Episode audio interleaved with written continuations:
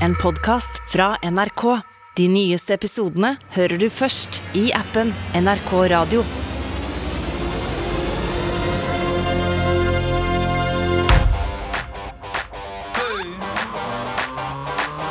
Popkorn og politikk. Med Sean Henrik Matheson og Torkil Risan. Jeg fortalte for en stund siden at jeg bodde i Japan da jeg var liten, et par–tre episoder siden. Et av de sterkeste minnene jeg har derfra, handler om min venn Hutan fra Iran. Han var like gammel som meg, bodde i blokka ved siden av, og vi hang sammen som erteris. Vi klatra i trærne sammen, vi sykla om kapp rundt blokkene, vi spiste middag hos hverandre, han synes vi spiste rar mat, jeg synes de spiste rar mat. En kjølig dag i februar i 1979 gikk jeg bort til blokka hans.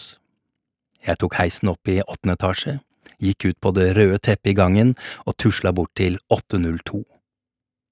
Døra var åpen, sto på glippe, jeg banka på, hørte ingenting, åpna forsiktig, hallo, sa jeg. Der det alltid var liv og røre, var det stille, der det alltid var ryddig og ordentlig, var det rotete. Papirer og bøker lå på gulvet, skapdører sto vidåpne, klær lå i sofaen, et fotoalbum lå oppslått på bordet, det så ut som om bilder var revet ut i full fart, og det var ingen der. En uro begynte å bre seg i kroppen, dette var ikke riktig. Jeg ble engstelig, jeg gikk raskt til heisen, jeg tror jeg løp, trykka mange ganger på knappen, kom meg endelig inn i den, løp forbi mannen i resepsjonen, kom meg inn i min egen blokk, min egen heis og inn i min egen leilighet, til mamma. Hun hadde vært i butikken da jeg dro til Hutan, jeg hadde skrevet lapp. Mamma var ikke forberedt på akkurat det jeg hadde opplevd, men hun visste at de var borte. Faren til Hutan jobba ved den iranske ambassaden, nå hadde det vært revolusjon i Iran. Shahen av Iran hadde blitt styrta, og Ayatollah Khomeini og hans prestestyre hadde tatt over. Nå måtte min beste venn flykte, i full fart. Nøyaktig hvordan mamma forklarte meg dette her, det husker jeg ikke, men jeg husker hvor bekymret hun var. Pappa også, da han kom hjem fra jobb, jeg husker at vi var prega av dette her lenge. Jeg tror at pappa forsøkte å finne ut av hvor de hadde blitt av, men han fant aldri ut av det. Håper de er trygge, sa de til meg, håper de er trygge. Jeg husker at det siste jeg sa til Hutan var see you tomorrow. Det gjorde jeg aldri.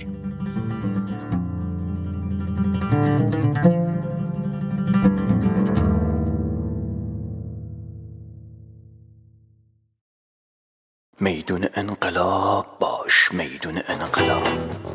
میدون انقلاب باش میدون انقلاب. میدون انقلاب باش میدون انقلاب. میدون انقلاب باش میدون انقلاب. یه روز گذشت یه پادشه از یه جا اون قدیم. قد بلند و تور رضا خان اسمشو نگیم سگ بود اخلاقش همه مثل سگ ازش میترسیدن. حرف کم می‌زد. گفره راهن کشیدم.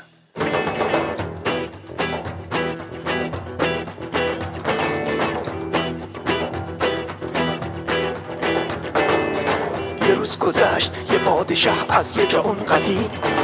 قد بلند و تور رضا خان اسمشو نگیم جدی و لنده بود Ja, litt eh, musikk fra Irans Bob Dylan her. Mosen Namjo. eh, og låta Reza Khan. Han har jo tidligere selvfølgelig, selvfølgelig kritisert regimet der. Selvfølgelig. Eh, sitert Koranen i musikken sin. Nei, nei, nei, ikke lov. Eh, har fengselsstraffa stående og vent på han i Iran. Eh, men han har vel ingen kjappe planer om å dra på besøk til hjemlandet sånn med det første. Men ja, det skal jo selvfølgelig handle om Iran, eh, Sean. Takk for den nydelige og veldig triste eh, anekdoten fra ditt liv. Tusen takk. Det var, eh, som jeg vel sa, det, jeg kjenner det i kroppen når jeg tenker på det. Det var, eh, det var eh, Ja, det, var helt grusomt. Mm. Det som skjer i landet nå er jo eh, grusomt, Ja. eh, men før vi går i dybden på det som foregår akkurat nå på gatene i Iran, eh, og skal snakke med vår briljante norsk-iranske journalistkollega Sara Taslimi, så er det kanskje nyttig for oss å ta Ta et litt historisk tilbakeblikk, for hva vet vi om Iran, John? Hva Nei, vet du? Det, det er, man, jeg vet litt av og til, og så Ja. er det litt sånn som går i glemmeboka, dessverre. Og så surrer jeg det til med andre land som ligger i nærheten. Så, så det å gi, at du skal gi oss eh, nå en, en litt oversikt her, det er veldig, veldig bra. Det Torgeir. en veldig kjapp en, altså. Ja, ja. Men altså, det er jo et land fra Det har jo vært i over 2500 år. Eh, Et slags rike, da. Eh, I oldtida så var det jo så betydningsfullt at det ble kalt et rike. Ja. Og det mener jeg, altså, hva vil du helst være? Et land eller et rike? Ja, hvis det, høres fetere ut å være et rike. Ikke sant? Ja. Første, andre eller tredje? Nei, ingen av de Ingen ingen, ingen nei, Nei, Perserike. Perserike, Ja, de. Perserriket var det, vet du. Takk. Eh, Men eh, så skjer det jo noe, altså det skjer masse. Men 26. mai 1908, det er en viktig dato faktisk, fordi da ble det funnet olje. Eh, Av briter Mm. eh, i Iran, eh, som hadde bora etter oppdrag fra iranerne. Altså som kom og bore litt. Og det ble da et veldig lukrativt oljesamarbeid som varte i mange tiår. Så kom jo andre verdenskrig. Mm. Ja, mel, altså lukrativt mellom britene og Iran, tenker Ja, du? ja, absolutt. Ja, ja, eh, penger eh, for begge. Mm. Eh, Og så, så kom andre verdenskrig, og Iran var litt sånn hm, hva, hva skal vi gjøre med det her? Mm. Eh, og det, det førte til en litt sånn pussig, kall det en invasjon. Mm. Av Storbritannia og Sovjetunionen gikk sammen inn i Iran under andre verdenskrig. Under dekka forskjellige ting. Ja, jeg, tenkte ikke at de hadde nok soldater til å gå inn der, for det var jo ikke noe krig der. Nei, ikke sant, men det var noen tyskere der. Ja. Og så var det litt sånn ah, dere sender ikke ut tyskerne deres. Ja. Da må vi inn med alt sammen for å liksom Men sant, det er jo fort gjort å tenke at her handler det om å beskytte oljeressurser og eh, eh, inntektene sine, Mm. samtidig som de opprettholdt det, det som ble kalt den persiske korridor. Ok. Som, fordi det, eh, via Iran så gikk det en slags trygg passasje med, som du kunne bruke som forsyningslinja til Sovjetunionen. Okay. Ikke sant? Og det var jo superviktig under, når, mens tyskerne gikk mot Sovjetunionen. Ha den persiske korridor i bakhånda der, så kunne få forsyninger den, den veien. Så Iran ble veldig viktig. Ja. Og det ble stående allierte eh, i Iran eh, eh, under andre verdenskrig. Og så liksom Nei, nå var det ferdig, liksom. Nå stikker vi hjem. Mm. Eh, bortsett fra Sovjetunionen, har stakk ikke hjem. De ble værende. Ble værende litt lenger enn eh, outstayed their welcome. ja. kan du si. Eh, og da ble det trykk fra, fra de andre allierte. Ja, for da ble USA meldte seg på. ja, for da ble de engstelige for at Sovjet skulle utvide og, og ta det òg, sikkert, da. Med, eh, helt sikkert eh, redd for liksom, Sovjetunionens potensielle innflytelse, da. Ja. Eh, og hvor langt den skulle strekke seg. Så da, da involverte USA seg i landet. Og det fører jo igjen til økende nasjonalisme i Iran. Eh, fordi nå er det mye ut, eh, ja, utlendinger som øver sin innflytelse på oss. Økt nasjonalisme i etterkrigsårene, og det la igjen grunnlaget til denne politikeren eh, Mossadek, eh, som eh, hadde eh, sine løfter om å nasjonalisere oljeinntektene. Naturlig nok. Pælme ut de andre og beholde det sjøl. Ja, det er vår olje. Ja. Vi skal, og jeg stemmer stem på meg, så ordner vi det så blir det vår olje. Ja. Og det, det skjedde jo, men det her likte jo ikke selvfølgelig USA, og, eller Vesten, da. Ja. Altså, du kan jo skjønne alle hatet mot Vesten hvis du ser de her hendelsene, ikke sant? Det går an å forstå retorikken. Vesten har tatt fra oss alle pengene. Mm. Og ikke bare det, 1953, kuppet, Mm. fikk gjeninnsatt sjahen av Iran, kongen. Eh, fikk vekk Mossadegh, som nasjonaliserte alt sammen, og fikk kuppa han, satt inn sjahen på plass igjen. Fordi- fordi- det var CIA, det var, det var USA, det var England som satte inn sjahen av Iran. Men sjahen var litt rausere med, med olja, da? Han, ville, han syntes det var greit å dele med USA og Storbritannia, for eksempel? Ja, eh, altså, altså, og, og det her, det, det tror jeg. Eh, men, men han satte jo i gang en, en god del reformer. Eh, så så veldig, mange er, veldig mange er jo fans av sjahen den dag i dag. Men det, det, var mye greier der, altså. Eh, gode, dårlige tider, rett og slett. Eh, du har kanskje hørt om den hvite revolusjon? Ja. En slags kulturrevolusjon, kan man kalle det. Okay, ja. Det var sjahen Ja. som, eh, som innførte Selvfølgelig under veldig mye vestlig innflytelse. Så, men det var økt fokus på, på utdannelse, kvinners rettigheter, faktisk. Ja, for Vi har jo sett bilder Det har jo kommet fram veldig mye nå. Bilder av kvinner i Iran på, på 60-70-tallet som, som går i helt vanlige klær, skjørt og, og ikke noe hijab og sånne type ting. Det var tider. Eh, men samtidig, da, en øverste leder, sjahen, som, som ble maktgæren, skulle styre alt med veldig hår hånd, fikk hjelp av Mossad til å sette opp sin egen eh, spes spesialpolitigruppe, Savak. Mossad er jo det hemmelige politiet til eh, Israel. Ja, og det, de var ikke spesielt snille, det her Savak. Så de, altså, de styrte Iran med jernhånd, selv om det var da reformer som gjorde det bedre. Og han brukte så mye penger. Um, men han trodde han hadde oversikt eh, over tingenes tilstand, denne sjahen, men verken han eller USA så kuppet som skulle komme. Den Nei. islamske revolusjonen i 1979 fikk Ayatollah, eh, Ayatollah Khomeini til makta. Men det var vel ingen som så det kuppet der komme, mener jeg å, Mm. vite. eh, Fordi både Vesten, alle medier, eh, bare Hva, hva skjedde nå? Og hvordan kunne det skje? Altså, folk var misfornøyde, da, tydeligvis. Takk. Ja, det altså, var jo mye misnøye der, selvfølgelig, men altså, noen mente jo kanskje at den her hvite eh, revolusjonen var en slags propaganda fra sjahen uh, sin side. Fra, altså, han ville ha sekularisere samfunnet med tung vestlig innflytelse, og, og, og han ville framstå som en slags godhjerta monark, ikke sant, som nesten dryssa veldedighet over befolkninga, samle befolkninga, gjøre dem lojal overfor han, gjøre dem daff, ikke sant, Mm. skulle ikke ha noe motstand. Nei, nei. Men igjen, ting, ting ble jo bedre òg. Mm. Ting ble bedre. Eh, han tok eiendom fra de rike, fra eliten, og, og fordelt mer over på de fattige. Han brukte oljeinntekter på veier og industri. Bedre infrastruktur, ikke sant? bedre skole og helsetjenester i utkantstrøk i hele landet. Eh, og som han sarkastisk sier om kritikerne eh, om utviklinga i landet, i et uh, klipp her. If you are unhappy that your country is saying goodbye to a feudalistic system, if you are unhappy that half of the population of your country, the women, are emancipated, well, this I cannot help. Ja, litt lett ironi der. Ja, akkurat. Men allikevel, på starten av 1970-tallet så har du en befolkning hvor ca. halvparten levde under fattigdomsgrensa i Iran. Og mange vil da kanskje tenke at det var kinkig timing, eh, i hvert fall tror jeg han tenkte, med tanke på den kommende markeringa, 2500 år siden Kyros den store grunnla det persiske riket. Aha, men det, det høres ut som noe som skulle markeres, vil jeg tro. Hvordan, hvordan skjedde det? Det er en såpass legendarisk markering vi snakker om her, at den har en dokumentarfilm eh, som jeg oppfordrer alle til å se. Den heter, og det ligger litt i tittelen her, Decadence and Downfall. Ja. The Shah Irans Ultimate Party. BBC-produksjonen fra 2016 baserer seg stort sett på arkivmateriale fra rundt da det her skjedde. Oktober 1971. Det som blir kalt tidenes dyreste fest. Å, fy fader. Da har du no, danka ut noen konkurrenter. eh, altså, du er en ganske nøktern festdeltaker i disse dager, Sean, men selv du ville hatt historier å fortelle om etter denne eh, festen. Å, fett. Ja, Ja. ja, ja. ja. Hva er det første du trenger når du skal arrangere fest, Sean? Eh, DJ Hercules. Han er den første jeg ringer til. Tror du skulle si eller sånt? Ok, DJ Hercules Ja, var ikke påtenkt ennå. ja, når vi drar på litt Nei, der var han jo ikke det, men det, vi, vi drar på litt, så, så ringer vi DJ Hercules. DJ Hercules, ok.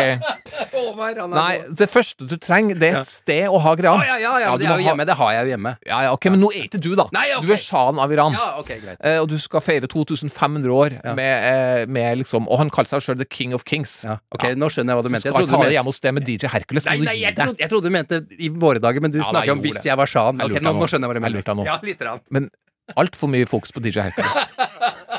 2007 ringt Sean. Ja. Persepolis, eh, hørte om det? Nei. Historisk grunn, den antikke hovedstaden i det persiske riket. Ah, ja. Det passer jo bra å ha festen der, ja, selvfølgelig. men en liten drawback. Ja. Der er det ørken nå. Å ja, ok. Og bare ruiner. Fader. Men, men! Ja-fase! Ja. Det ordner seg. Tenk, tenk at det går. Tenk at det går. Det går. Eh, og så må du ha gjester. Inviter alt som kan krype og gå av prominens. Statsledere. Ja takk. ja. Kjendispolitikere. Ja. Ja, ikke sant? Ja. Monarker. Ja. Og så noen random kjendiser. Bare inviter alle. Fett. Få det hit. Ja. Og da snakker vi prins Philip. Oh. Snakker Anne, vi snakker keiser Haile Selassie, Oi. general Tito, Konstantin av Hellas, kong Hussein av Jordan, Nicola Ceaucescu. What?! Litt sånn før han ble stor, da. Ja. Eh, Imelda Marcos, på høyden. Carl Gustav, eh, dronning Ingrid, kong Fredrik av Danmark, haug andre konger og prinser. Merkelig blanding av folk som var kommunister, og samtidig da Egentlig, så hvis du, prøver, hvis du er kommunist, er det programforpliktet til å hate monarker. Ja, du har drept monarker gjennom hele din ja, eh, gjennom årenes eh, løp. Eh, og, men selvfølgelig da masse monarker. Og kong Olav. Ja da. Kong Olav kom dit! Fikk mye kritikk i hjemlandet. Og jeg kosa meg. Har sett i gamle sånne arkiver. Hva sto det i A-tekst? Å ja. Hold deg unna! Et lokallag i, eh, lokallag i Haugesund Arbeiderparti kom til en resolusjon. Kong Olav må ikke dra på det her fråtserifesten til den her påfuglfyrsten. Wow, Som han ble var, kalt. Men det var motstand her i heimlandet, altså? I Haugesund, i hvert fall. Ja, i Haugesund, ja. Okay. Ja, det var litt kritikk her. Ja, Um, ja, men det, det, det var også snakk om at han kanskje måtte til og med droppe dåpen til prinsesse Märtha Louise på grunn av sin deltakelse. Han ville heller dra dit enn på det Skjønner, du skjønner? Han ville på fest, han! Ja, ja, ja. Jeg tror han fikk komme på begge, da. Så tok SAS-fly fra Oslo. Ja. Eh, Plukka opp de andre skandinavkongelige i København. Ser du for deg den lille shuttlebussen der? Ingen, ass. Flyr SAS-fly fra Oslo, lander i Køben, tar inn Carl Gustav og de danskene. Det høres ut som sånn ut som en sånn jobbfest, på en måte, hvor du plukker opp folk på veien, og så dundrer du av gårde. For, til en fest og en potensiell gave av et terrormål. Da. Altså, stengt, eh, Iran måtte jo stenge alle landegrenser under det her for å forsikre om at det var trygt for gjestene. Det her var jo viktig for Iran som nasjon. It was a perfect setup for a James Bond plot. It was so extravagant. It was so exclusive. Historically and politically, it's the only time where everyone met. You had the East, the West, the developed countries, the underdeveloped countries, the communist countries, the monarchies. Everyone was there. The party is a bit like a debutante's ball. You know, it's basically a coming out. Iran is coming. You know, the idea was, I think, that, oh, you know, we want to join the top tier of nations with a bang. But it was the wrong bang. Fy fader. Men jeg lurer på om de var bitre, de som ikke ble invitert. Det var, det var der de skulle være, ass! Ja, det, men sånn som dronning Elisabeth, da. Ja. Hun, hun ble vel sånn råda til å ikke dra. Fordi skal du sitte der som en liksom sånn underlegen, den her sjahen, king of kings, som hun kaller seg, og liksom, som står og soler seg i glansen Det ble sett på liksom sånn Det er litt dumt deg å dra, rett og slett. Hun sa at det var sånn sikkerhetsissues, men det var derfor hun ikke Det kom. var derfor, ja. Sendt Philip og Anne i stedet. Men du, hvordan så det ut, Å, herregud, Ja, det var helt ellevilt der. De prøvde å lage en midlertidig Eller prøvde å De laga en midlertidig by i ørken. Altså flydde inn enorme telt fra Frankrike. 100 fly trengte de for det. 100 fly med telt. 25 000 vinflasker, det hører jo med. 250 limousiner ute i ørkenen der.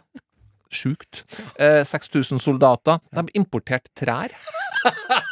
Skulle få, hvorfor skulle du ha skogtema, liksom? Velg et annet Velg ørkentema, siden det ligger en ørken der. Jeg ville også tenkt det. Nei, der skulle vi ha skog. Det var sånn Europeisk skogaktig stemning. Helt sjukt ut. 50 000 fugler fikk dem inn. Ja. De døde med en gang. Var ikke noe vann der. De kunne leve der. Tenk deg hvor trist det var. 50 000 fugler som ligger strødd rundt omkring. Jeg håper de Det er bra stemning, kong Olav. Jeg håper de levde lenge nok til de pip, satt og peip i trærne, i hvert fall mens det festen pågikk. Jeg fikk, tror jeg må dø før kong Olav så mye som nærma seg. altså. Mekka en golfbane der, da. Ja. Og de klarte det. Ja. Ja. Og så fly etter fly med isblokker. Svære, enorme isblokker. Mm. For å hakke opp i hvitvin, ikke sant? Ja, selvfølgelig. Og alle gjestene sant, de kommer jo ikke alene, dem heller. For det kommer ikke bare, det er ikke bare kong Olav som kommer. Nei, nei. Du har med noen. Du har liksom kong Olav pluss five. Fem var grensa. Ja, ok. Du kunne ha med date pluss one her, her er det pluss five. Du må ha liksom et par stykker i, i greia di. Ja, vet ikke hvem som var kong Olav sine plussfeil. De kunne jeg tenkt meg å snakke litt med. ja det burde vi ja. var det, ja. liksom. Hvordan var festen, Ja, liksom? hvem, hvis du hører på, ta så send en mail. da, Torkel.nrk.no. Men eh, det var jo ikke alle som brydde seg om det. Du, har du hørt om keiser Haile Selassie fra Etiopia? Har du hørt om han? Ja, det, han har jeg hørt om. Ganske eh, spesiell type. Ja visst, søren. Er det han som har noe med Å, er det han som har noe med Jamaica å gjøre, og det greiene som foregår der? Ja. ja. Han, øh, hvorfor det? Nei, det er en annen historie. Rastafari. også. Rastafari, var det ikke det? Vi, vi tar det En annen gang. Vi tar det denne Ja, ja, men det er Rastafari, sånn. Rastafari, liksom. Ja. Ja, ja, ja. Figurtype. Han tok på 85 stykker, han. 85! Hva sa Shan da? Nei, han, han trodde jeg sa noe på det, men de som jobba der, de sa noe på det. 80 ekstra folk, ja. Eh, og de kom jo til ren og skjær luksus. De her teltene var som å være inn på et femstjerners hotell. Her er fra en eh, engelsk eh, reporter som sitter i teltet hvor prinsesse Anne og prins Philip skal bo. Now, this is the sort of thing they'll have in each of these tents. There are six cut glasses on a tortoiseshell tray. There's this perfumed candle in a glass cylinder with a decorative snake, and an ornamental Iranian ashtray. For morning tea, all Princess Anne will have to do is give a little tinkle on her bedside bell. For near at hand is her personal maid, who sleeps on a fold-away bed in the kitchen. It's fully equipped, as are all the arrangements.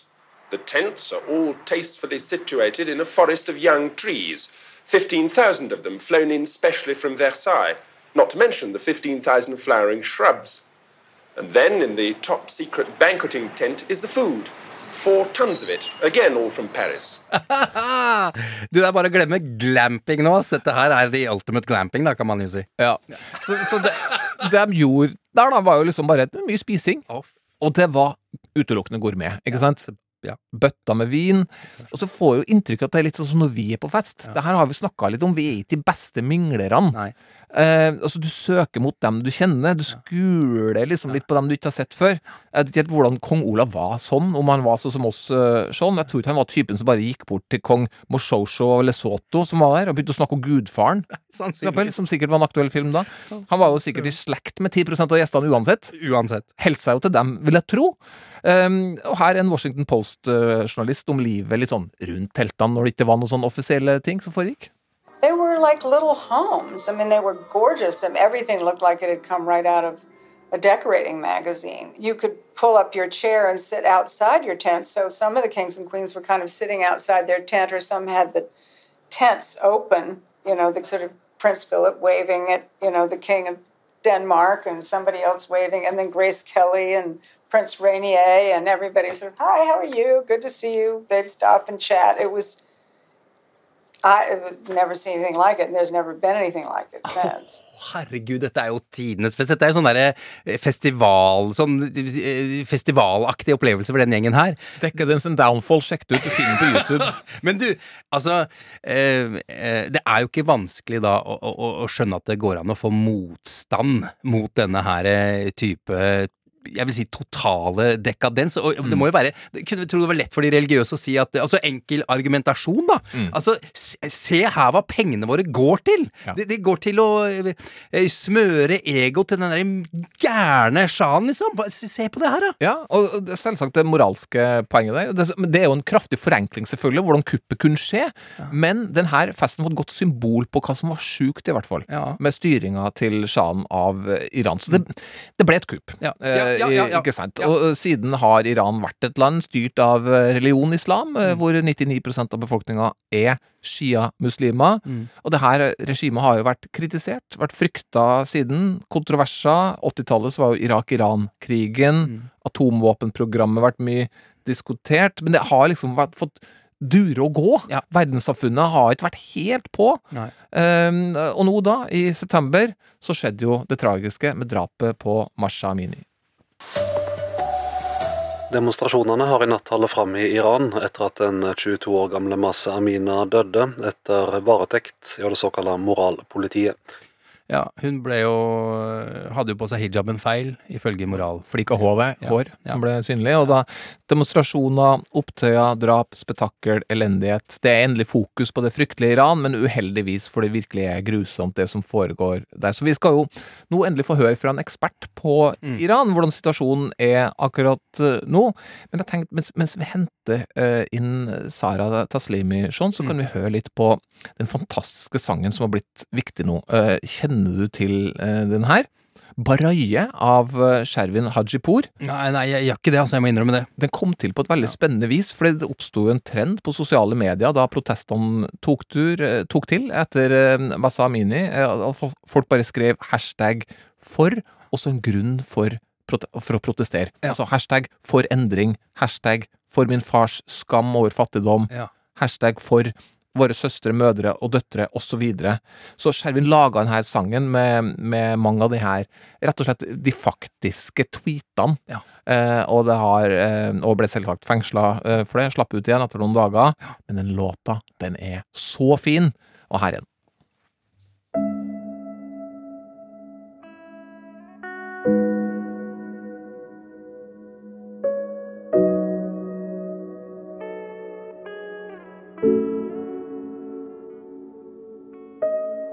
برای توی کوچه رخصیدن برای ترسیدن به وقت بوسیدن برای خواهرم خواهرت خواهرامون برای تغییر مغزها که پوسیدن برای شرمندگی برای بیپولی برای حسرت یک زندگی معمولی برای کودک زبال گرد و آرزوهاش برای این اقتصاد دستوری برای این هوای آلوده برای ولیعصر و درختای فرسوده برای پیروز و احتمال انقرازش برای سگهای بیگناه ممنوعه برای گریه های بیوقفه برای تصویر تکرار این لحظه برای det var en vakker eh, låt. Den, altså, du kjenner på ryggen. Fy det. den kjenner jeg på ryggen. Velkommen, eh, journalist og kollega her på NRK, Sara Taslimi. Hei. Norsk-iraner, foreldre som kommer fra Iran som eh, politiske eh, flyktninger. Mm. Bare kjapt først, eh, Sara. Denne sangen som vi hørte nå, 'Baraye' av Shervin Hajipour. Hva slags betydning har den hatt i, i det siste i Iran? Um, den har hatt en veldig stor betydning pga. innholdet i sangen. I Iran så er det bare lov for menn å synge, og de har kun lov til å synge om kjærlighet. Så det å synge en politisk sang i seg selv er en veldig stor ting å gjøre, da. Mm. Hva har skjedd? Hvordan går det med, med Skjervin da? Er, er, har han møtt problemer? Har han fått uh, skjedd noe med den? Ja, han, etter sangen ble sluppet, så tok det vel et døgn før den hadde mange, mange millioner eh, views. Den gikk viral, som vi kaller det. Eh, dette liker jo ikke regimet, eh, og eh, arresterer han. Eh, så han satt i varetekt i eh, lang tid, og da ble det stort opprør. For da hadde den sangen allerede rukket å nå ut til så mange. Eh, så det ble store protester i hele verden, egentlig, med hans navn som ble løfta. Eh, han slapp ut og kom da med noe som vi bare kan anta er en falsk tilståelse om at ah, nei, opsi daisy, det var, det var ikke helt det jeg mente. Jeg prøvde bare å lage en sang. Ja. Når, når en sånn tilståelse kommer, Sara, eh, skjønner folk eh, folket at det er falskt, og, og, og ikke tar det på alvor, og, og fortsatt syns han er en bra fyr, hvis du skjønner hva jeg mener? Ja, altså, for, ja, det skjønner folk. Altså, det iranske folk er et eh, høyt utdanna folk som har eh, et tilgang til internett, og som eh, har levd under et eh, regime i 43 år og har blitt utsatt for krenkelser og ydmykelser som dette gjennom generasjoner. Så dette er absolutt ikke noe nytt, og noe iranere kjenner veldig godt til. Tenk litt, på, litt mer generelt på det som skjer akkurat nå i Iran. Eh, Sara, hva, først, hva er egentlig tankene dine om det som foregår der nå, med tanke på protestene? Ja, det, det er Altså, jeg har så mange tanker om det. Ja, så, få høre altså, litt. Hvor skal man begynne? Det, jeg syns det er vanskelig å sette ord på, fordi det er et sånt jeg tror for alle iranere innenfor og utenfor Iran så er dette som et slags jordskjelv. Dette er ikke, altså Protester i Iran er jo ikke noe nytt. Vi har sett det mange ganger før. Eh, og det alle som vet hva som Altså alle vi som kjenner til hva det regimet gjør, går rett inn i sorg og frykt, for vi vet hvilken hard, ekstrem, brutal jernhånd regimet møter demonstrasjonene med, da. Eh, men forskjellen nå, det er eh, Det er veldig mange punkter som vi sikkert skal gå litt inn på senere, men det er at i tillegg til denne sorgen og frykten som vi iranere kjenner på, eh, og verden for så vidt nå, det er også et håp, fordi det er vel egentlig i løpet av disse 43 årene har vel regimet aldri vist så mye sårbarhet som de gjør nå, med så mange ulike flammer de prøver å slukke samtidig.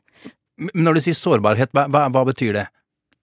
Kort fortalt så er det at eh, iranere for første gang klarer å stå veldig samlet med ett eh, mål i sikte, og det er å velte regimet. Vi har veldig mange uenigheter. altså Iran er et kjempekomplisert land med mange minoritetsgrupper, flere religioner og veldig mange meninger. Men for første gang så har vi, vi har kvinnebevegelse, vi har en studentbevegelse, vi har minoritetsgrupper som står sammen, som ellers regimet har brukt 43 år på å splitte fra liksom majoriteten. Det er mange, mange ting, da. Mm. Men, men hva er det som Hvilke grupperinger i måte, hverdags-Iran er det som ennå ikke har stilt seg bak protestene, hvem er det du håper å se Mm. eh, gå bak de samme parolene? Ja, altså fordi det som også er nytt denne gangen, tror jeg, da, det er jo at vi ser at folk er med i demonstrasjonene fra alle sosiale lag. Mm. Også de veldig religiøse. Altså ikke alle. Eh, fordi regimet har jo tilhengere, det kan vi ikke se bort ifra. Eh, regimet har jo kjørt hard propaganda i 43 år med hat mot Vesten, med eh, hat mot Israel. Altså de eh, snakker om vestlig eh, interference, kan ikke norsk. Eh, Men eh, em, men denne gangen så ser vi faktisk altså, eh, strengt religiøse mennesker også være med i disse protestene, og det også hjelper til med å gi håp. Men eh, det er jo selvfølgelig de som drar nytte av regimet, som fortsatt ikke er på revolusjonen sitt lag, da. Og de kan man ikke se bort ifra fins, for de fins jo absolutt, og regimet har jo en følgerskare. Men eh, med alt eh, dette regimet har gjort mot sitt eget folk i 43 år, jeg tror ikke, Det er umulig for meg å beskrive hvilke liksom, traumer og raseri som ligger så i liksom, ryggmarken til alle iranere. Fordi jeg kjenner Jeg tror jeg aldri har møtt en iraner som har møtt noen Nei, som ikke har mistet noen i henrettelser, som ikke kjenner noen som har blitt torturert, fengslet, eh, blitt tvunget til falske tilståelser. Altså alle disse bruddene på menneskerettigheter, da. Jeg syns det er litt spennende med det raseriet du, du nevner der, Sara Taslimi. Og vi skal bare, bare gi oss en sånn hva, hva er folk rasende for? Bare liste opp noen ting som eh, og Mange av de tingene her er jo sikkert selvsagt, men, men hva, hva er det egentlig? Hva slags ting snakker vi om her? Altså, dette er et regime styrt av gamle menn. Altså, jeg skal ikke aldersdiskriminere her, men Nei, ja, det- de er jo en ok, gjeng med greit. Jeg følte meg litt truffet, da. Nei, Du, nei. slapp av, du er Nei. 40! Ja, ja. To! Jeg har passert 50! Nå skjærer vi helt ut der. Unnskyld, Sara. Nei, nei, men de, dere er ikke gamle i denne kontekst. Altså, dette prestestyret de er jo i 70-80-åra. Eh, det er noen gamle menn som eh, tror de kan styre Iran eh, med en, noe de påstår er en tolkning av islam eh, fra 1400-tallet. En eh, skriftlærde som skal styre et land hvor 60% av befolkningen er under 30 år. I denne perioden de har sittet på makten, så har de altså utsatt denne befolkningen for så grove menneskerettighetsbrudd. Og det er altså så Altså det er så vanskelig å på en måte begripe for meg også, som er født og oppvokst her i Norge. Eh, men det er massehenrettelser. De er kjent for massehenrettelser. Det er Altså, en, en kvinne er eh, retts, eh, rettsmessig myndig Hva heter det? Rettsmyndig? Nei. Hun kan rettslig forfølges fra hvilken alder? Ni år. Ja, det er tidlig, syns jeg. Ja, og, men hun kan aldri få eh, pass på egen hånd. Det må hun ha tillatelse fra en mannlig verge å få, da. Eh, det er altså lover som er skapt for å krenke og ydmyke et folk. De har frarøvet dem all form for frihet, og da mener jeg all form for frihet. Religionsfrihet, ytringsfrihet, pressefrihet, kunstnerisk frihet, eh, klesfrihet, holdt jeg på å si. Altså alle måter Altså, vi mennesker vi er programmert for å leve i frihet, og dette føler jeg er et veldig tydelig bilde på hvor sant det er.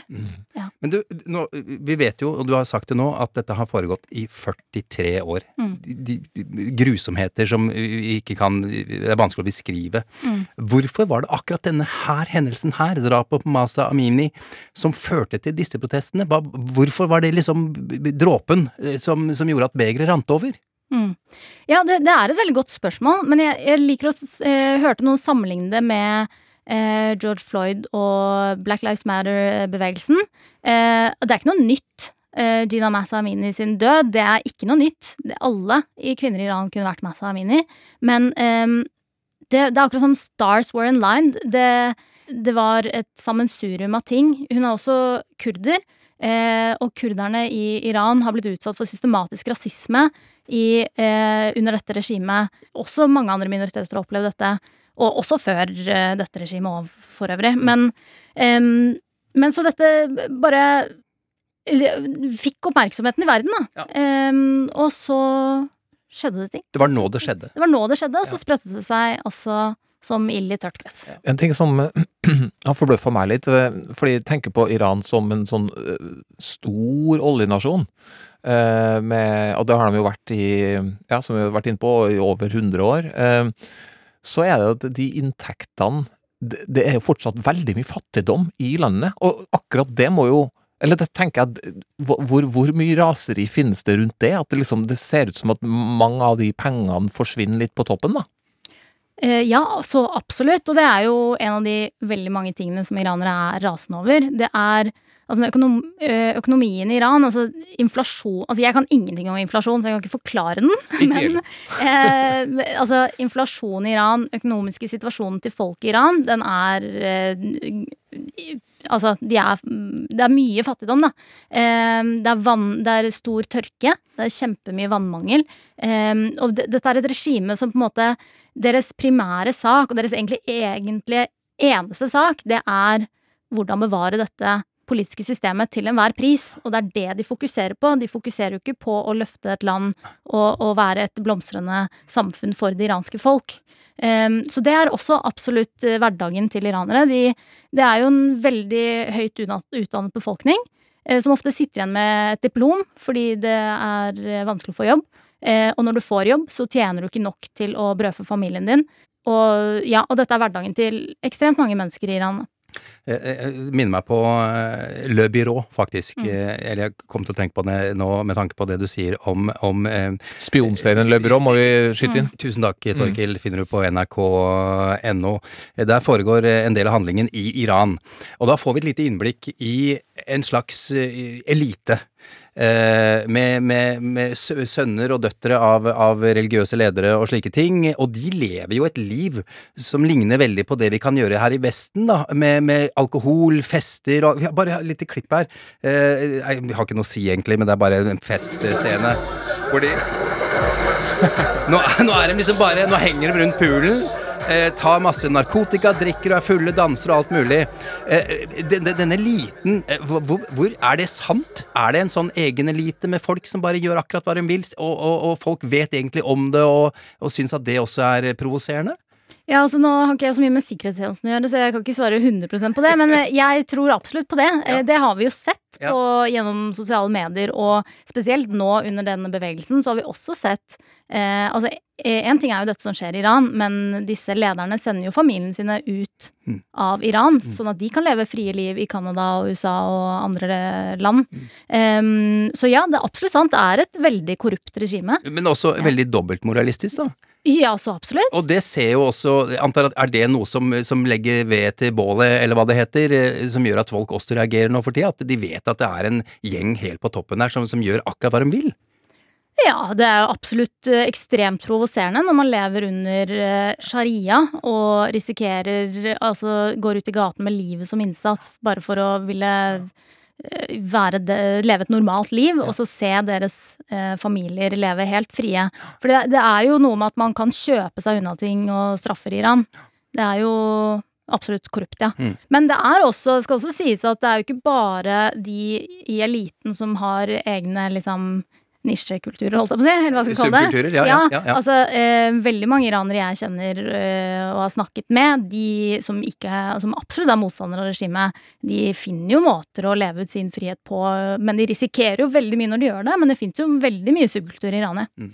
Den, eh, nå er det jo fotball-VM, og Iran eh, sin deltakelse har det for det første vært litt sånn omdiskutert. Russland ble jo ekskludert pga. invasjonen.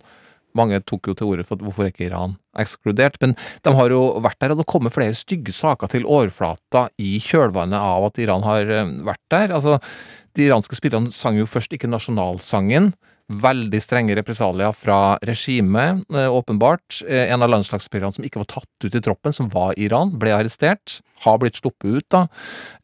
Og så fikk vi jo den der farsen hvor de sang til nasjonalsangen så vidt du så det var tvungen leppebevegelser. Det er tydelig pressa av regimet, og tydelig redd for hva konsekvensene var. De hadde jo familier, mange av dem, i hjemlandet, ikke sant. Lag som spilte bra, slo Wales, hadde muligheten til å gå videre mot erkefienden USA i siste kamp, men eh, tapte den kampen. Og så var det jo litt sånn, mange i Iran heia jo på at de skulle ryke ut, ikke sant, og en av dem som gjorde det, han ble jo også da drept av regimet. Um, så jeg lurer på, Sara, sånn så, som du har eh, sett det nå, hvordan har fotball-VM og det som har skjedd der, påvirka stemninga i, i de her protestene? Altså, det har vært ekstremt fascinerende. Fordi altså, jeg følger veldig mange som snakker om situasjonen i Iran eh, på Instagram eh, mest. Eh, og der er det diskusjonene der, de er litt, som man sier i den unge generasjonen. Eh, altså, det er det er så emosjonelt komplisert, akkurat dette med fotballaget. Fordi eh, Timelli, som vi kaller det, har vært for veldig mange iranere et fotballag vi har på en måte stempla som, som folkets fotballag. At det er den ene tingen mange iranere kan samles om og stå sammen i. da, som er liksom den, Fordi vi, vi er jo så splitta på grunn av dette regimet. Eh, men så var det før VM så det setter i gang en sånn pressekonferanse, da. Altså Raisi, presidenten og presseskapet. Og da får de inn fotballaget og har en pressekonferanse, en photo-app, som de selvfølgelig gjør, da. Og der så bøyer de seg for presidenten, disse fotballspillerne. Og dette syns ikke det iranske folket var godt nok. Det, folk går ut i gatene og risikerer livene sine eh, for sin frihet, og mener da at med den plattformen som de fotballspillerne har Fordi eh, disse fotballspillerne, de er jo kjente mennesker som iranere vil da tenke er mer beskytta enn folk i gatene. Eh, så når de da kommer til VM og ikke synger nasjonalsangen, så eh, er det altså, konsensus da, virker som er at iranere i Iran tenker dette er ikke bra nok. Her har dere hele verden som ser på. Dere har en plattform til å løfte vår sak, og dere velger å føye dere eh, for eh, regimet. Og da tror jeg ikke iranere Eller det vet jeg egentlig ikke, for det er veldig komplisert, men jeg tror ikke de, de tenker nødvendigvis at Nei, eller de mener at det, det, fotballaget hadde et ansvar der, da, som de ikke tok. Men så kan det jo innvendes at de spiller jo så å si med Se for deg en gisselsituasjon Mm. hvor, hvor, det, hvor i, i overført betydning sitter noen med en pistolmunning mot familiemedlemmer hjem i hjemlandet. Mm. da. Så, så, er, så det, det, de kan jo på en måte forsvares på den, med den eh, Absolutt. retorikken Jeg også, ikke sant? Så, Ja, ja. Så, ja, som du sier, det Mm. er så komplisert, Mm. og det er interessant når, når sånne ting bare bobler opp, og så Mm. er det jo tragisk når du ser hva det faktisk fører til da, Mm. av eh, konsekvenser. Absolutt. Og så vil jeg bare legge til at når da laget taper,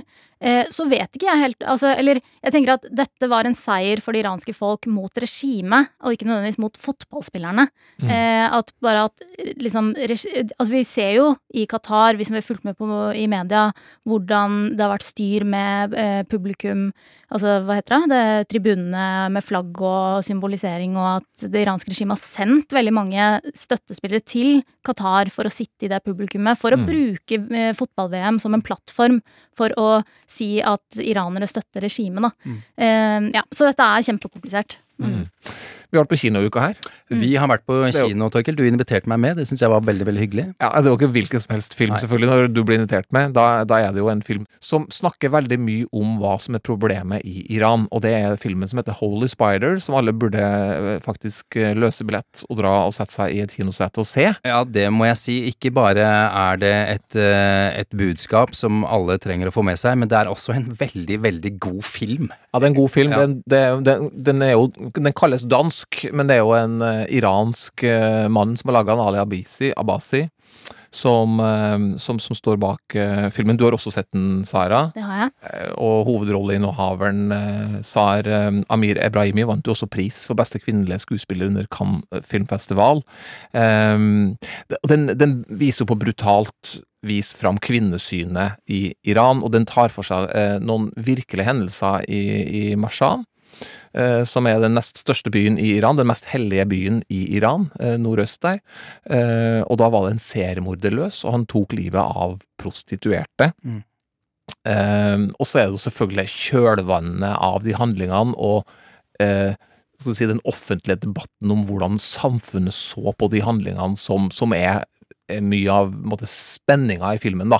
Jeg vet ikke om du sa det, men dette er jo basert på eh, sanne eller virkelige hendelser på tidlig 2000-tallet. Vi har et klipp her fra filmen Holy Spider. Det er morderen. Han ringer alltid inn til en eh, reporter eh, når han har myrdet en eh, kvinne, og det gjør han jo fordi han er stolt. Eh, Han er stolt av det han gjør. Han er jo som moralpoliti, ikke sant? Skal rydde opp. یادداشت یادداشت می‌کنی؟ بله بله بفهم. من دارم جاده قدیم قوچان حوالی فلکه شهید فهمیده. برین جمعش کنین تا نگرفته شما الان کجایین چه کار داریم و کجای ما رقبه گوش کن یک به یک هیجندار از بین مبروم و دست بردار نیام Dette er eh, morderen som, som ringer til en eh, reporter. Han gjør det hver eh, eneste gang han har eh, drept et, eh, en, en kvinne. Eh, forteller hvor likene er. Og han sier også her at han skal rydde gatene for alle horer, og at han aldri kommer til eh, å, å stoppe. Hva slags inntrykk gjorde den filmen på deg, Sara? Ehm, den gjorde veldig inntrykk. Jeg, altså, jeg har jo selv ikke muligheten til å dra til Iran uh, av flere årsaker, og kan liksom ikke sammenligne Altså, jeg har aldri sett et sånt uttrykk eh, som viser eh, Mashhad, som er liksom den mest religiøse byen i Iran, da. Men jeg dro og så den med andre Iran som har bodd i Iran, eh, som var sånn Dette, dette er sånn det, altså, det var veldig virkelighetsnært, da.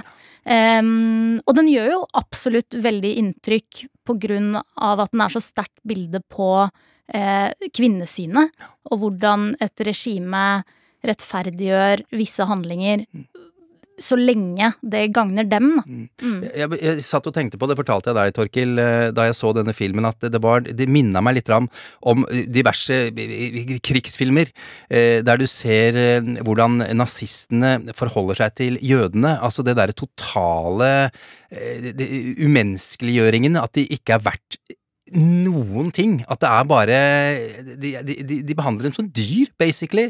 Og det tenkte jeg da jeg så denne filmen, eh, Sara, at, at mennene behandler kvinner uten noe respekt, selvfølgelig, og bare som de, de er ikke verdt en dritt. Mm. Ja, og det er jo verdt å si, eller viktig å si at det er eh, jo altså den mest religiøse byen Iran, og at de, som, de mennene som behandler kvinner på den måten, er jo de som vinner på å ha dette regimet eh, på plass, da. Mm.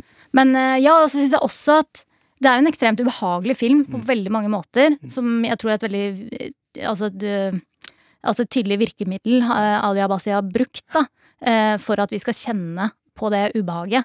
Um, som jeg også syns var ekstremt Ja, fascinerende. altså voldsscenene der. uh, jeg har uh, sett Die Hard nylig, siden det begynner å trekke mot jul. og de Ja. voldsscenene der er jo litt sånn sånn som volds er, vold er i Hollywood. ikke sant? Sånn som det, så det, det, Mm. Slåing og liksom sånn Å, du fikk her og der. Men voldsscenene i den filmen her, Mm. det er sånn som vold er i virkeligheten. Mm. Det er litt klønete. Mm. Det er litt sånn langtekkelig. Mm. Det er ikke noe pow!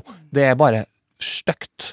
Og det er sjukt ubehagelig. Og hun som satt ved siden av oss i kinosetet, Ja, en gammel dame som satt og skalv som et aspeløv under eh, jakka si, det gjorde også inntrykk. Ja. Men hun satt der, hun så den, jeg var stolt av hun nabodama. Ja. Eh, det er tøft å se på det, Absolutt. men vi trenger å vite om det her. Mm, vi Mm. trenger å se det. Det var, eh, Og- det var ikke til å holde ut, egentlig. Ja. Det er jo filma i Jordan. Ja.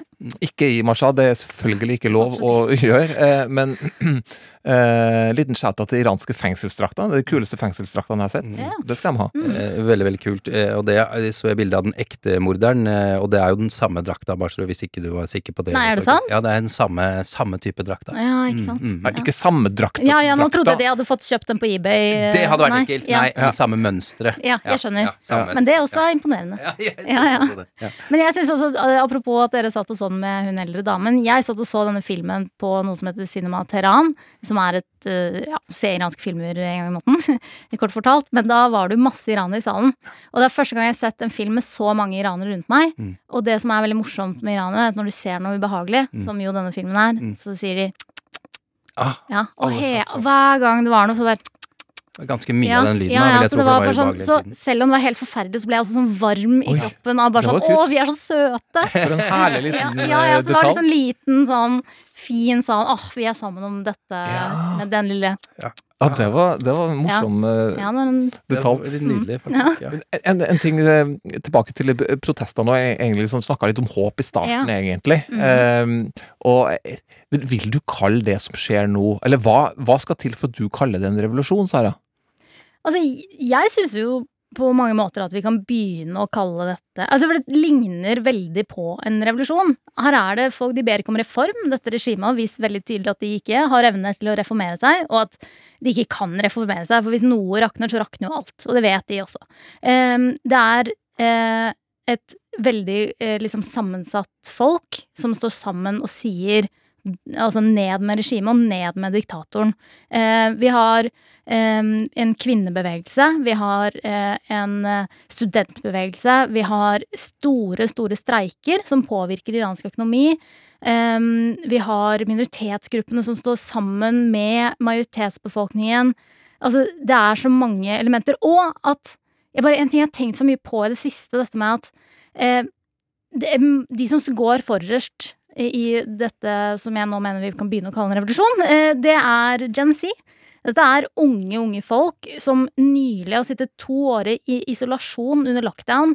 eh, vært på internett, sett hvilket, hvilke normale liv, hvilken frihet resten av verden har, eller store deler av verden har, eh, og at de bare har fått nok. Og det at de har jo begrensninger på internett, men hvor teknologisk avanserte de har blitt fordi de har måttet finne frem med Altså, jeg kan ikke forklare de greiene her, for jeg går på Steinerskolen. Jeg kan ikke Altså, teknologi for meg Altså, jeg hadde slitt, da. Men jeg ser jo at de kommer seg gjennom. Um, og jeg, vi ser at regimet begynner å vise uh, frykt. De har selv begynt Slå litt sprekka der nå. ja, de har begynt å si For eksempel så driver de og snakker om de skal få i gang en eh, ny lov om det skal gå an å henrette de som sender ut videomateriale ut av Iran, som dekker demonstrasjonene. Og det er jo helt forferdelig, men det er jo også et veldig tydelig fryktelement i nettopp det. Eh, og en verden som begynner å åpne øynene. Men samtidig, altså, en revolusjon er jo blodig. Skal det Det blir jo altså, hvor, hvor mange har egentlig Hva er tallene nå, Sara, på hvor mange som har dødd? For dem, dem har jeg, jeg prøvd å søke litt på det. Det varierer jo selvfølgelig. Ja, altså det varierer også fordi at det er så utrolig vanskelig å verifisere informasjon fra Iran. Fordi de åpenbart sender ut sin egen statistikk, og menneskerettighetsorganisasjoner eh, jobber iherdig for å få de riktige tallene. Eh, det vi eh, liksom eh, mange organisasjoner, Iran Human Rights, går ut med, er eh, at per i dag så er det over 450 personer som er drept. Over 65 av dem er barn. Eh, over 18 000 mennesker er arrestert og eh, blir nå utsatt for gud vet hva. Eh, og alle de risikerer henrettelser og tortur. Og bare litt over 3000 av de er identifisert. Så tenk hvor mange familier som ikke vet hvor deres unge, deres gamle Altså hvor sine kjære er. Det, ja, det er veldig høye tall, og som du sier, en revolusjon i Iran altså, Det er Det som skjer i Iran nå, det gir meg altså en så stor sorg. Eh, altså, det er opprør i Iran. Det Umiddelbart går jeg i sorg fordi man vet eh, hva det betyr. Folk mister livene sine. Folk er så desperate at de går med livet som innsats ut i gatene. Og, de, og hvis det er noen som vet hva slags brutalitet dette regimet utsetter folk for, så er det de som går i gatene. Og de sier 'jeg vil heller dø og oppleve det enn å leve under dette regimet'. Så ja, det er ekstremt sårt, men i det såret så er det glimt av håp nå, da. Mm. Glimt av håp. Det syns jeg var et fint sted å avslutte på, Sara Taslimi. Tusen takk for at du kom til Popkorn og politikk. Takk for at jeg fikk komme. میهن آبادی برای دختری که آرزو داشت پسر بود برای زن. زندگی آزادی.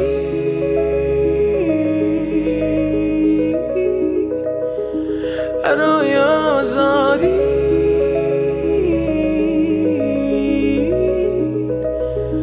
برای آزادی.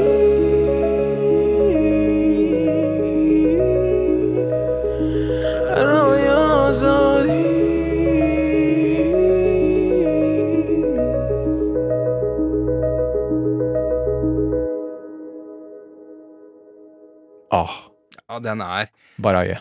Ah, Den er vakker, og når du vet hva det er han synger om, Mm. og konsekvensen det har fått, og betydningen det har for, eh, for det iranske folket, så er det sterkt. Det, det er veldig sterkt. Og også blitt, eh, den har blitt omfavna av litt sånn større musikalsk eh, Den større musikalske slekta, for å kalle det det. Mange fine coverversjoner allerede, selv om den er jo par måneder gammel bare. Coldplay, for eksempel, eh, spilte den live på en stadionkonsert i Buenos Aires. Sjekk det ut på YouTube. Første gang på to tiår jeg fikk gåsehud av Coldplay. Ja, det, jeg skjønner litt hva du mener. Det fikk man i gamle dager. Ja. Det får man sjelden nå, altså, men her fikk du det. Når de eh, trekker inn Baraye, så, så lykkes de. Du, bare tenk på altså, Vi snakker om Iran, og det er én film jeg synes, jeg, jeg har lyst til å nevne her, eh, Torkil. Ja, den, den henger jo litt i det Altså, det er elefanten i rommet nå. Ja, li, li- lite grann. For Argo er det vanskelig å komme utenom, syns jeg. God historie. Ja, Regissert, produsert og ikke minst uh, spilt av eh, Ben Affleck. Bra du tok med hvem som var produsent på filmen. Ja, men for Jeg vil bare fortelle at han har gjort alt, liksom. Ja, ja, ja, er ja, Ben Affleck. På det ja, ja, fader, han, dette er uh, Ben Afflecks verk, men han har med seg et stjernelag. Det er jo Bryan Cranston, Alan Arkin, John Goodman, bare for å nevne noen. Um, vant Oscar for beste film i 2012. Eh, handler om et av USAs største politiske arr, eh, må det gå an å si, og det er jo da selvfølgelig Iran. Eh, kort tid etter eh, revolusjonen, som vi har snakka om i dag, i november 1979, så ble den amerikanske ambassaden storma av en mobb bestående av militante studenter, marxist-leninister. Lang historie kort endte med at her har tallene litt forskjellige. 52 eller 66 amerikanere ble sittende som gisler så lenge som i 444 dager. Ja, det er det, det er vilt å tenke på det, når du tenker at det er et halvannet år cirka, da. Det er eh, nesten ikke til å tro, egentlig. Men igjen, da, lang historie kort. Etter et par mislykka redningsforsøk så ble USA og Iran endelig da enige om en utleveringstale i januar i 1981. Halvannet år etterpå, omtrent. Um, Argo handler om seks amerikanere som slapp unna da studentene angrep eh, ambassaden, og om hvordan de da gjemte seg hos canadiske diplomater, og hvordan de da etter hvert ble smugla ut av Iran av CIA eh, med falske canadiske pass. Mm. Eh, og metoden er jo oppsiktsvekkende her. Det er jo den som gjør at det blir film av det. Det er, det, Det er derfor Ben Affleck begynner også Å, skal produsere film! Jeg vet det. Det er her det kommer inn. Ja, ja, ja, ja. Fordi For å komme seg inn i Iran, disse da agentene som skulle redde de, disse seks personene, så lata i CIA som eh, at de var fra Hollywood, mm -hmm. og at de var på leting etter locations for å spille inn en sci-fi-film. Ja. det er utrolig bra. Ja, det er så utrolig bra. Jeg har et klipp her eh, fra når Ben Affleck og, og Brian Cranston da, eh, som agenter pitch- Cranston, vet du. Han er så god, han. Fy fader, så god han er. Men i hvert fall her hører du at de da pitcher eh, inn denne ideen til sjefen sin. Det første han sier, han sjefen, er 'aliens and robots'. Hånlig starten. Hør på dette her. Aliens and robots? Yes, sir. You think this is more plausible than teachers? Yes, we do. And we think everybody knows Hollywood people. And everybody knows they'd shoot in Stalingrad with Paul Pot directing if it would sell tickets. There are only bad options. You don't have a better bad idea than this? This is the best bad idea we have, sir. By far. The United States government has just sanctioned your science fiction movie. The best bad idea we have. Altså, jeg husker da, da filmen kom, så liksom bare at det her hadde skjedd. Det var sånn rett til Wikipedia, liksom. Rett til Wikipedia. Uten å tenke på det. Her, her skal jeg finne ut av før jeg ser filmen. Eh, jeg gikk også til Wikipedia under arbeidet med, med dette her, eh, og så fant jeg ja, ikke bare Wikipedia overalt, egentlig, men eh, det var Jimmy Carter som var president på den tida her, da dette her skjedde. Han er nå 98 år gammel, lever i beste velgående. Han må jo bli 100, og så kan han gjøre hva han vil for min del.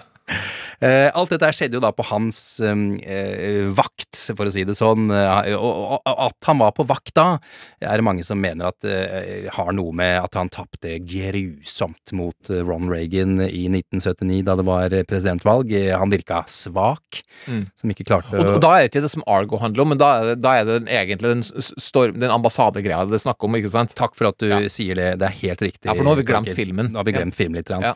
Men da filmen kom ut, da Argo, Argo kom ut, så ble han spurt hva han syns om den.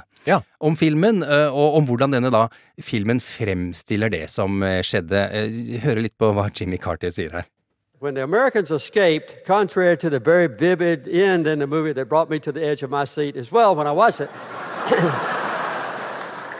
where this pickup truck outran a jet airplane taking off. I'm not, I'm not criticizing Hollywood, but uh, my judgment is that 90% of the credit for that heroic and brilliant move should have been with the Canadians. And the movie ignores practically any contribution by the Canadians. Ja, verdt å ha mm-hmm. med seg når du eventuelt skal se den filmen. Ja, det var Ja. Canada sin eh, ære, det her, eh, at de, de slapp ut. Ja, for de tok enorm risiko da ved å utstede falske pass. Hadde Canada blitt tatt i det, så ville de blitt dratt inn i denne eh, kjipe situasjonen. Og det ville gått voldsomt utover canadiske statsborgere som bodde i Iran osv. Så, videre, og så, videre. så Så Canada, ifølge Jimmy Carter i hvert fall, er de ekte heltene her. Så du sitter jo igjen med en del eh, rett og slett filmtips etter å ha hørt en sending om det fryktelige som driver og skjer i Iran nå. Vi har vært innom Holy Spider. Vi har vært gjennom Decadence and Downfall, den her fabelaktige dokumentaren som du finner på YouTube. Jeg har også lyst til å nevne en annen iransk favoritt som heter Det finnes ingen djevel, som jeg også tvang deg til å se eh, 25 av, eh, Sean. Ja, for det var en ganske lang film, men jeg, og den er delt opp i fire, så det er fire historier i denne filmen. Jeg så første del. En fantastisk fantastisk eh, film, vil jeg si. Ja, altså den, ehm, Det finnes ingen djevel. Den finner du gratis på bibliotekets eh, filmtjeneste Filmoteket. Så eh, det, og, gjør det. Opprett bruker der, og, og lån deg filmer gratis. Ehm, den er delt opp i fire, og jeg vil påstå at det som skjer 33-34 minutter uti, det vil si helt på slutten av den første av de fire filmene, er et av de aller sterkeste øyeblikkene jeg har hatt uh, når det kommer til film eh, de siste årene. Ja, den Jeg så heller ikke det komme. Jeg satt eh, Hva heter det? Fjetra i stolen og måtte summe meg etterpå. Mm. Ja. det er utrolig Ja, utrolig godt filmhåndverk. Så, og, og i tillegg da, så ser du Argo etterpå, ikke sant? Myke opp litt med, med Argo og sci-fi i, i Iran, Hollywood og alt det der. Og så stikker du inn på NRK radioappen etter det igjen. Det kan du gjøre. Der finner du episodene våre som vi har laga. Eh, sjekk ut tidligere episoder. Det er mye å høre på der. Hørte du la ut et lite påskeegg til en Japan-episode hvor du snakker mer om din tid i Japan, Sean? det er riktig. Tusen Altså, takk. Sean-fansen nå, de går jo amok etter den Japan-episoden. Hva har skjedd med Sean i Japan? Det er, det er mer gull der, altså. Jeg liker at jeg legger ut easter eggs. Torkil, jeg, jeg har lyst til å, å holde meg litt til, til ordene eh, til Sara. Mm. Eh, og, og, og håpe og tro at det finnes håp for det iranske folket i disse dager. Helt enig. En podkast fra NRK. Hallo, hallo! Det er Ronny og Liv her fra vårt bitte lille julekott, hvor vi prøver å finne julestemninga. senke tempoet, nyte tiden før jul. Bitte små blaff av takknemlighet. Er du nå midt i en stressende førjulshandel? Ser huset ut som et fullstendig kaos? Nelvik og jeg, vi er her for å hjelpe deg! Den magiske julestemningen. Vi skal klare det. Jeg elsker jul. Julestemning med Live og Ronny hører du i appen NRK Radio.